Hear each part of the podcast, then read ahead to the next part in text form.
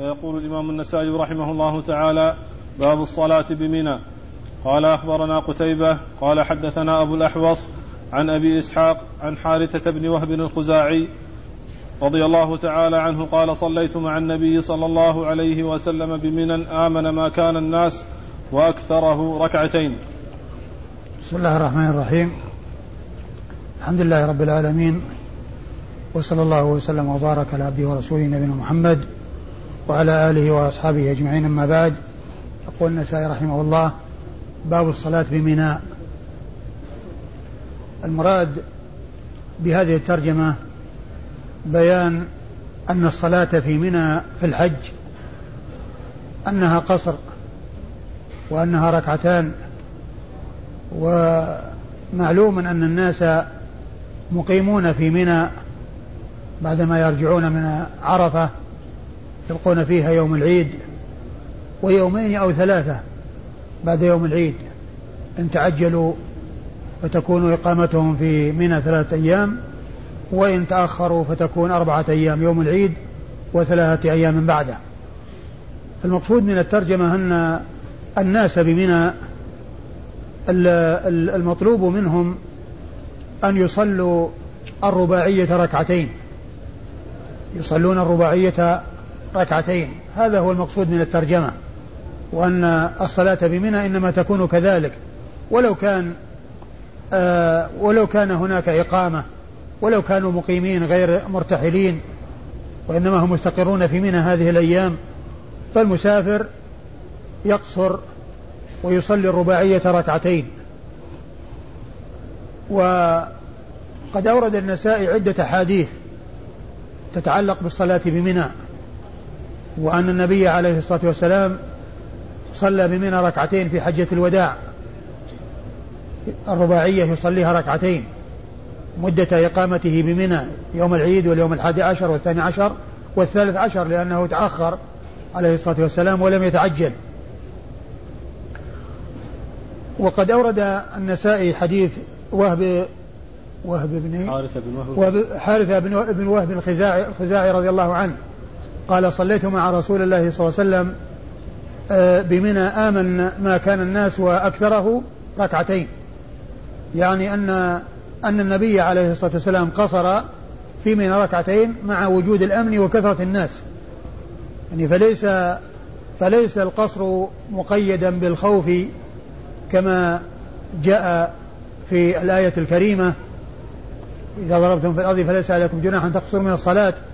وقد مر في بعض الأحاديث أن ابن ابن آه، ابن عباس أو ابن عمر قال أنه خرج آه، صاحب رسول الله من مكة إلى المدينة وكان يصلي ركعتين لا يخاف إلا رب العالمين.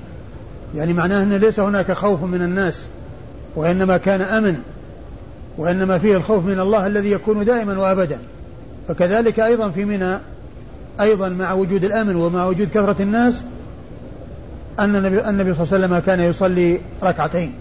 فدل هذا على أن صلاة المسافر أنها ركعتان سواء كان هناك خوف أو كان هناك أمن. وقد أورد النساء وإسناد هذا الحديث الذي أورده النسائي. يقول النسائي أخبرنا قتيبة. أخبرنا قتيبة. قتيبة هو بن سعيد بن جميل بن طريف البغلاني ثقة ثبت. أخرج حديثه أصحاب الكتب الستة. عن؟ أبي الأحوص. عن أبي الأحوص وهو سلام بن سليم الحنفي الكوفي. سلام بن سليم الحنفي الكوفي وهو ثقة متقن أخرج حديثه أصحاب الكتب الستة. وهو مشهور بكنيته أبو الأحوص واسمه سلام بن سليم. يروي؟ عن أبي إسحاق. و وسلام بن سليم توفي سنة 179 179 في السنة التي مات فيها مالك. وقتيبة يروي عن مالك ويروي عن أبي الأحوص الذي توفي في السنة التي مات فيها مالك وهي سنة 179 وقتيبة من المعمرين لأنه ولد سنة 150 وهي السنة التي مات فيها أبو حنيفة وولد فيها الإمام الشافعي. سنة 150 والشافعي توفي سنة 204 فعمره 54 سنة وأما قتيبة عمر إلى سنة 240 فصار عمره تسعون سنة ولهذا أدرك المتقدمين وهو من الطبقة العاشرة ويروي عن أبي الأحوص وهو من الطبقة السابعة يعني فيه طبقتين يعني بين طبقته وطبقة أبي الأحوص طبقتين والسبب في هذا كونه عمر فأدرك المتقدمين. فصار من في العاشرة يروي عن من في السابعة وذلك لما حصل لقتيبة من, من كونه من المعمرين إذ ولد سنة 150 فأدرك آه فأدرك مالك وأدرك الشافعي وأدرك من كان أيضا قبلهما في الوفاة لأن عمر قتيبة عند وفاة. آه، وفاة الأب الأحوص ومالك 29 سنة وفاته بين عمره عند وفاتهما 29 سنة. فهذا هو السبب الذي يجعل يعني شخص مثلا متأخر في طبقة يروي عن شخص متقدم عنه بطبقتين أو أكثر. وهذا هو الذي جعل مثل الثلاثيات مثلا البخاري بينه وبين الرسول صلى الله عليه وسلم ثلاثة أشخاص صحابة وتابعين وأتباع تابعين. صحابة وتابعين وأتباع تابعين فيكون البخاري يروي عن أتباع التابعين. يروي عن أتباع التابعين فتختصر الطبقات فتختصر الطبقات. يعني آه، آه، لهذا السبب وبسبب التعمير يعني كون الشخص يكون معمرة. آه، يروي أبو الأحوص عن أبي إسحاق. عن أبي إسحاق السبيعي الهمداني وهو عمرو بن عبد الله الهمداني السبيعي الكوفي وهو ثقة مكثر أخرج حديثه أصحاب الكتب الستة. يروي. عن حارثة بن وهب الخزاعي. عن حارثة بن وهب الخزاعي صاحب رسول الله صلى الله عليه وسلم وحديثه عند أصحاب الكتب الستة و آه وحديثه عند أصحاب الكتب الستة وهذا الإسناد. قتيبة عن أبي الأحوص عن آه أبي إسحاق عن آه حارثة بن وهب آه أربعة. نعم. أربعة أشخاص فهو من الرباعيات التي أعلى من التي هي من أعلى الأسانيد عند النسائي لأن النسائي أعلى ما عنده الرباعيات. وأنزل ما عنده العشاري الذي هو عشرة أشخاص بينه وبين رسول الله صلى الله عليه وسلم. وأعلى ما عنده الرباعيات. وهذا منها. وحارثة بن وهب الخزاعي من أصحاب رسول الله عليه الصلاة والسلام وحديثه عند أصحاب الكتب الستة وهو ابن زوجة عمر ابن الخطاب رضي الله تعالى عنه لأن عمر تزوج أمه. وقال رحمه الله تعالى أخبرنا عمرو بن علي قال حدثنا يحيى بن سعيد قال حدثنا شعبة قال حدثنا أبو إسحاق حاء قال وأخبرنا عمرو بن علي قال حدثنا يحيى بن سعيد قال حدثنا سفيان قال أخبرني أبو إسحاق عن حارثة عن حارثة بن وهب رضي الله تعالى عنه قال صلى بنا رسول الله صلى الله عليه وسلم بمنى أكثر ما كان الناس وآمنه ركعتين. ثم ورد النسائي حديث آه، حارثة بن وهب الخزاعي رضي الله عنه من طريق أخرى وهو بمعنى الطريقة السابقة ومفيد ما أفاد ما أفادته الطريقة السابقة.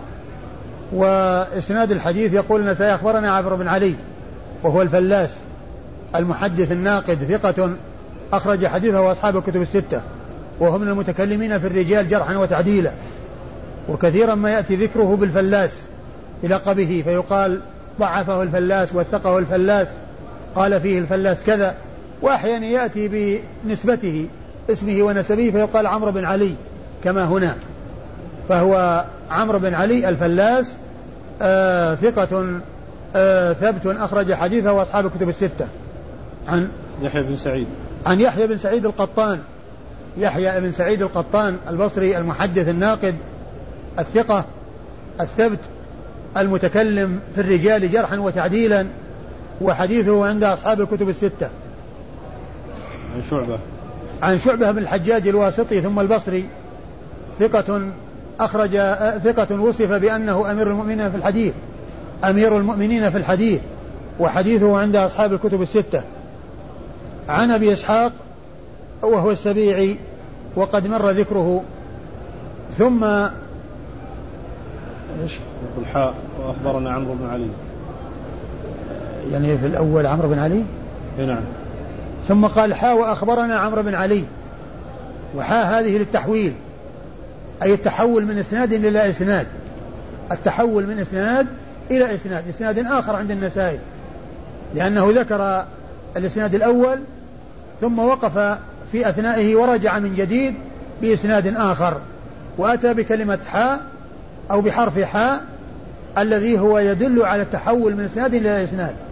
الذي يدل على التحول من إسناد إلى إسناد. فيكون الإسنادان يلتقيان. ثم يتحدان بعد ذلك. فيكون طريقان مفترقان ثم يلتقيان عند شخص ثم يستمران من ذلك الشخص. والملتقى الاسنادين هو أبو إسحاق السبيعي لأن هذا الإسناد عمرو بن علي عن آه، يحيى بن سعيد القطان عن شعبة بن الحجاج. والطريق الثاني عمرو بن علي يروي عن يحيى بن سعيد القطان ويروي عن سفيان. يروي عن سفيان ثم سفيان يروي عن أبي إسحاق. وسفيان هنا آه يحتمل الثوري وابن عيينة. يحتمل الثوري وابن عيينة. ويحيى بن سعيد القطان روى عنهما جميعا. يحيى بن سعيد القطان روى عنهما جميعا. لكن آه، آآ آه، أبو إسحاق كوفي والثوري كوفي و فيكون الأقرب أن يكون الثوري. الأقرب أن يكون الذي آه، روى عن أبي إسحاق السبيعي هو الثوري لأن كل منهما كوفي. كل منهما كوفي. ثم أيضا من حيث البلد البصرة والكوفة متقاربتان. يحيى بن سعيد القطان بصري والبصرة قريبة من الكوفة. ويحيى بن سعيد القطان روى أيضا عن ابن عيينة وهو مكي. لكن أبو إسحاق هو كوفي فيكون من حيث البلد ومن حيث كثرة الاتصال يكون بين الثوري وبين أبي إسحاق أكثر مما يكون بين ابن عيينة وأبي إسحاق.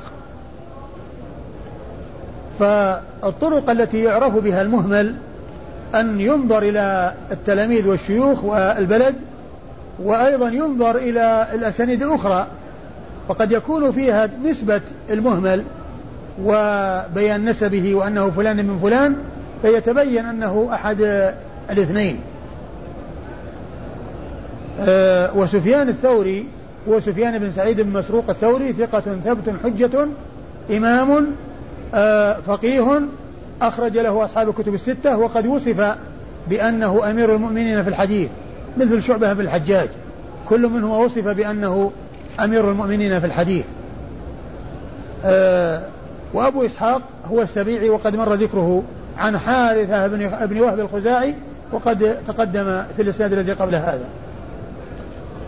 ثم قال رحمه الله تعالى أخبرنا قتيبة قال حدثنا الليث عن بكير عن محمد بن عبد الله بن أبي سليم عن أنس بن مالك رضي الله تعالى عنه أنه قال صليت مع رسول الله صلى الله عليه وسلم بمنى ومع أبي بكر وعمر ركعتين ومع عثمان ركعتين صدرا من إمارته.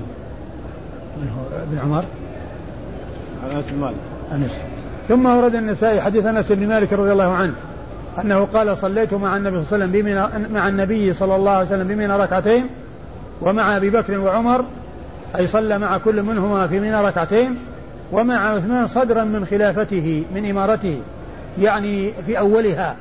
ثم إنه بعد ذلك أتم رضي الله تعالى عنه صار يتم بمنى فالصلاة بمنى والسنة بمنى أنه أن الصلاة الرباعية صلى ركعتين لأن هذا هو الذي فعله رسول الله عليه الصلاة والسلام وفعله أبو بكر ثم عمر ثم عثمان آه، مدة من خلافته.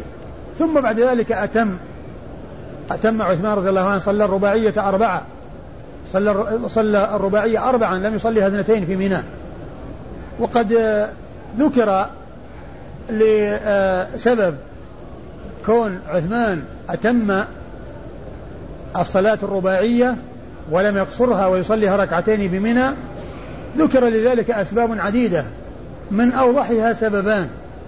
أحدهما أنه رأى أن القصر إنما يكون في حال السفر اللي هو السير والانتقال. وأما في حال الإقامة فإنه يكون الإتمام. والأمر والسبب الثاني أو الوجه الثاني أنه رأى أن الحج يحضر فيه كثير من الناس. و وأعراب ويكثر فيهم الجهل فإذا صلوا أو رأوا الإمام يصلي ركعتين ظنوا أن هذه هي السنة في جميع أيام السنة وأن الصلاة تكون ركعتين وأن الصلاة تكون ركعتين. فصلى أربعا حتى لا يحصل من بعض الأعراب يعني هذا التوهم بسبب الجهل هذا هذا هذان هما أحسن ما قيل في آه، في تأويل أو بيان سبب كون عثمان رضي الله تعالى عنه وأرضاه أتم.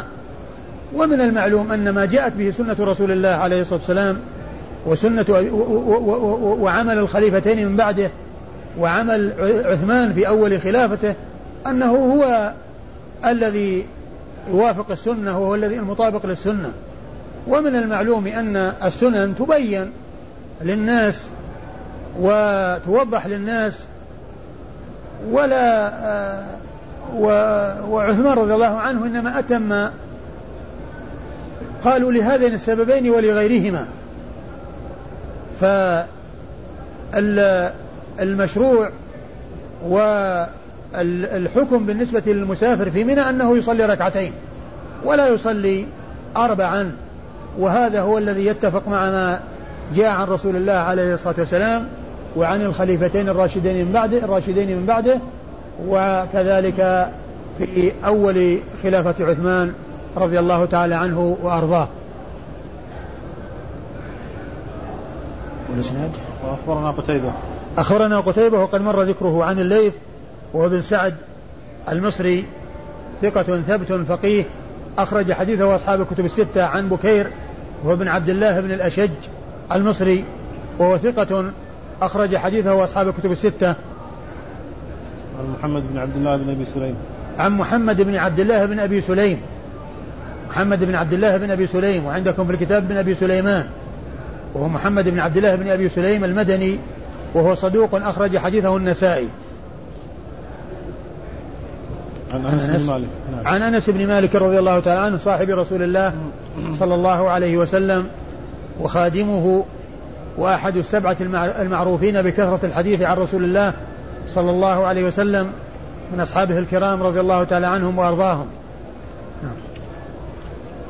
وقال رحمه الله تعالى أخبرنا قتيبة قال حدثنا عبد الواحد عن الأعمش قال حدثنا إبراهيم قال سمعت عبد الرحمن بن يزيد حاء قال وأخبرنا محمود بن غيلان قال حدثنا يحيى بن آدم قال حدثنا سفيان عن الأعمش عن إبراهيم عن عبد الرحمن بن يزيد عن عبد الله بن عن عبد الله رضي الله تعالى عنه قال صليت بمنى مع رسول الله صلى الله عليه وسلم ركعتين.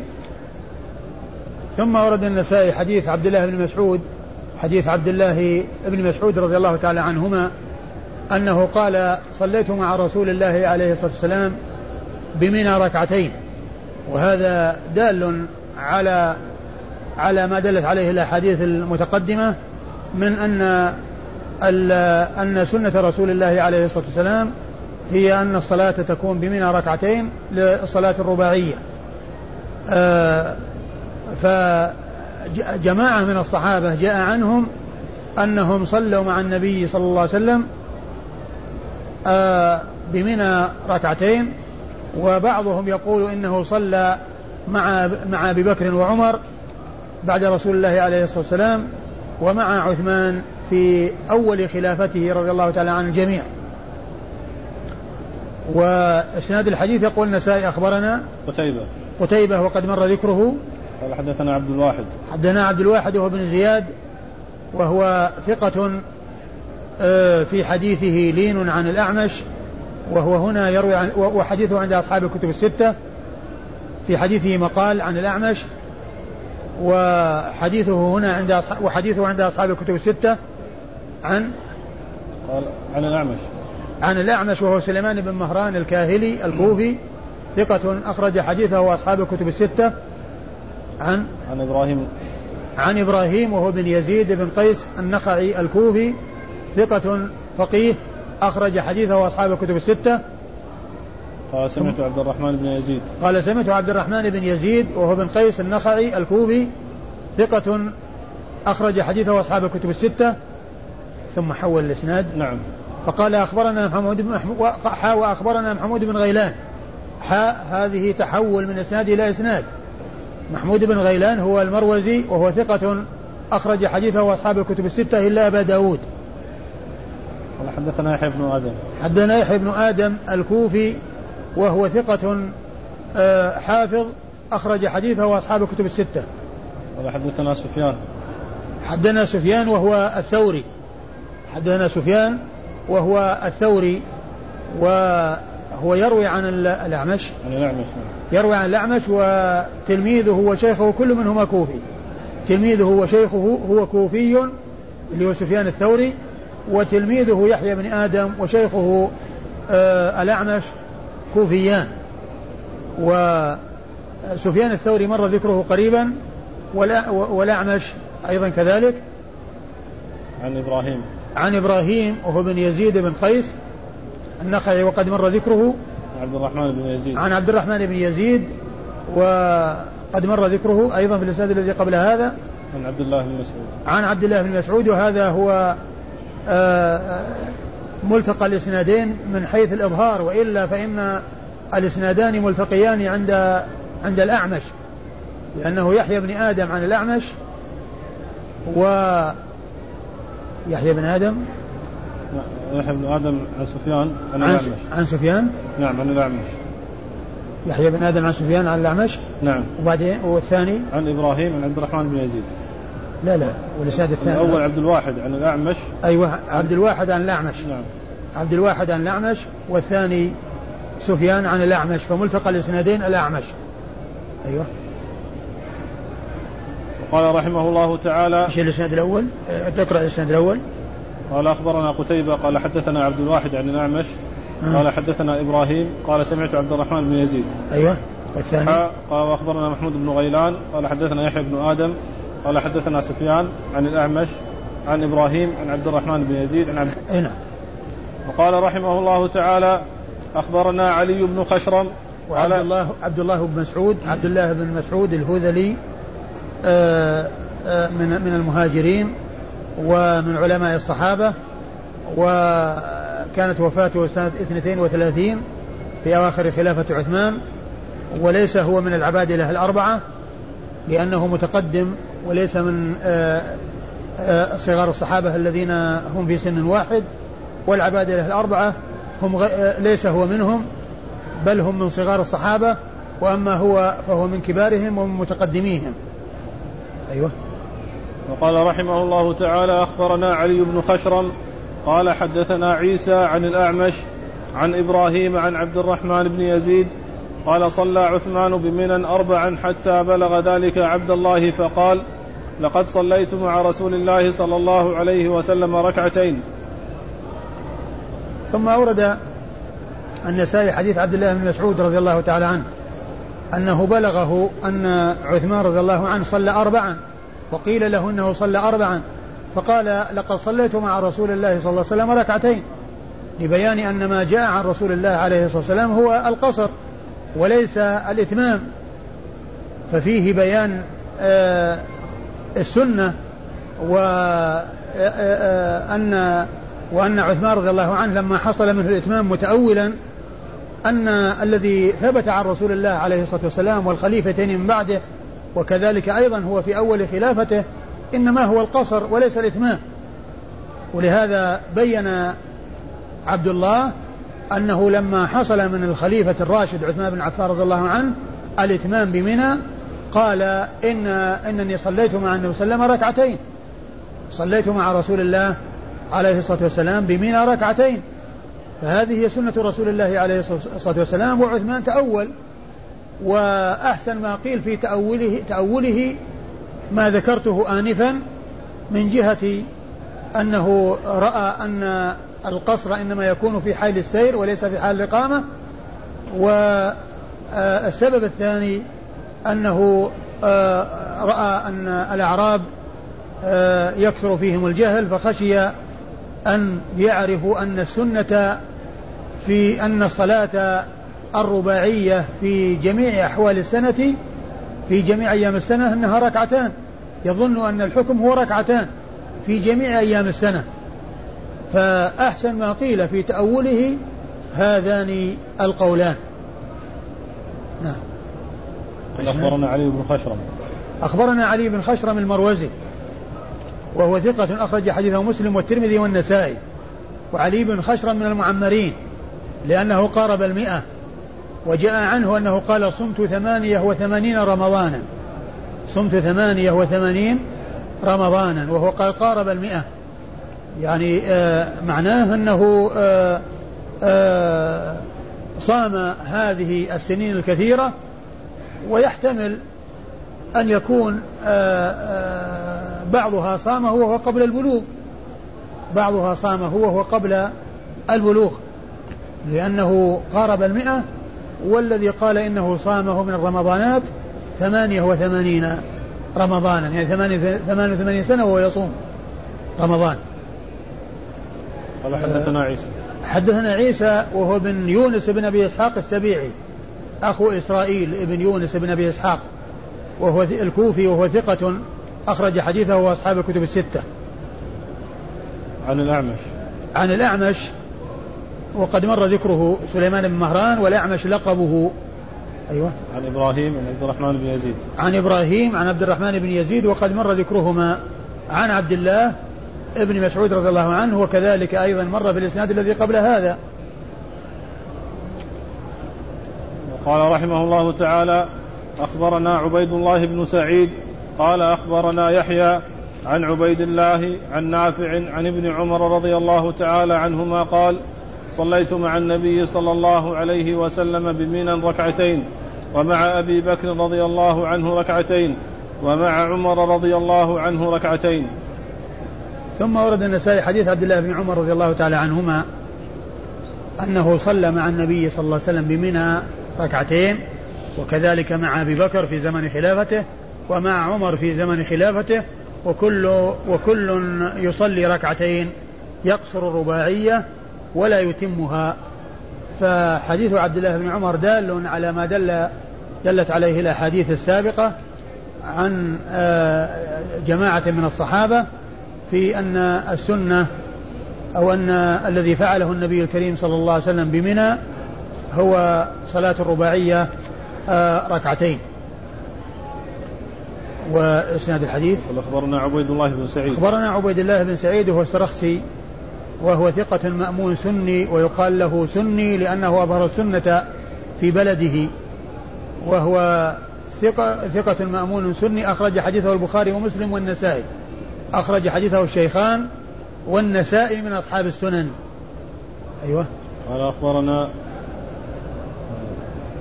قال أخبرنا يحيى.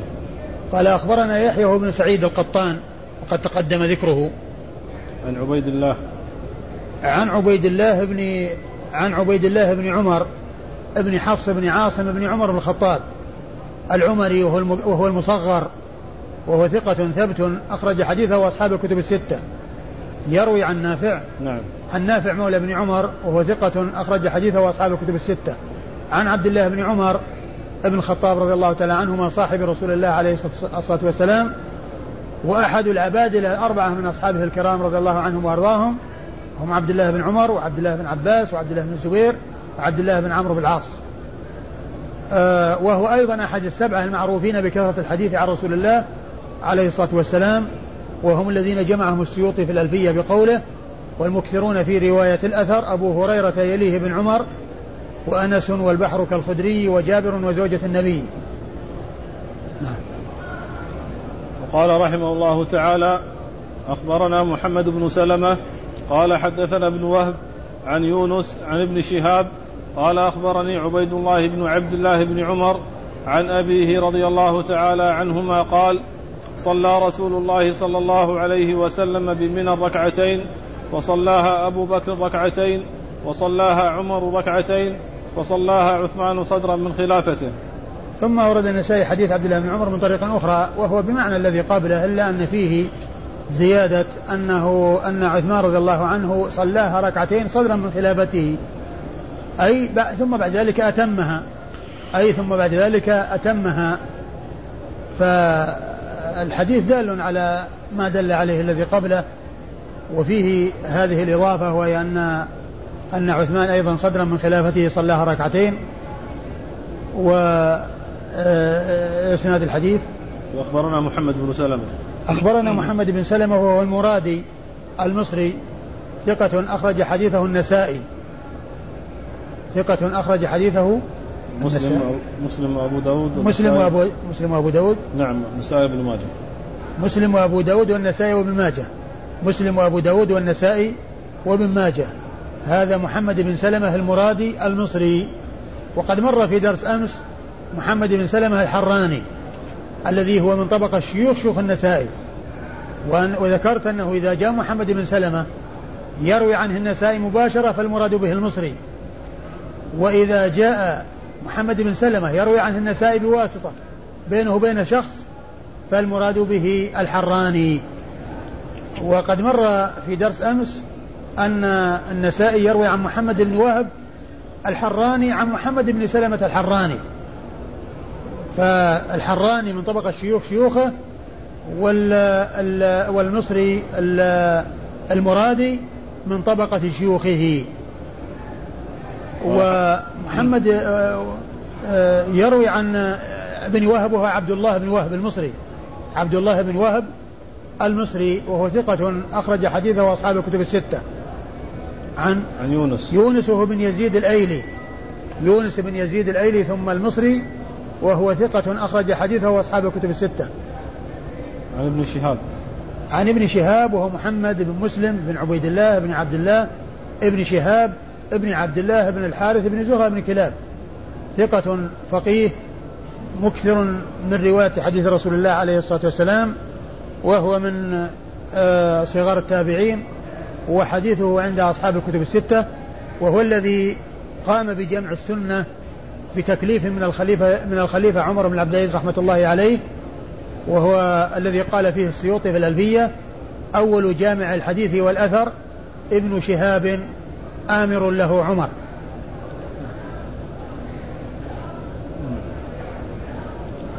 قال أخبرني عبيد الله بن عبد الله. أخبرني عبيد الله بن عبد الله بن عمر. وعبيد الله بن عبد الله بن عمر ثقة أخرج حديثه أصحاب الكتب الستة. يروي عن أبيه عبد الله بن عمر وقد مر ذكره في الإسناد الذي قبل هذا. والله تعالى أعلم وصلى الله وسلم وبارك على عبده ورسوله نبينا محمد وعلى آله وأصحابه أجمعين.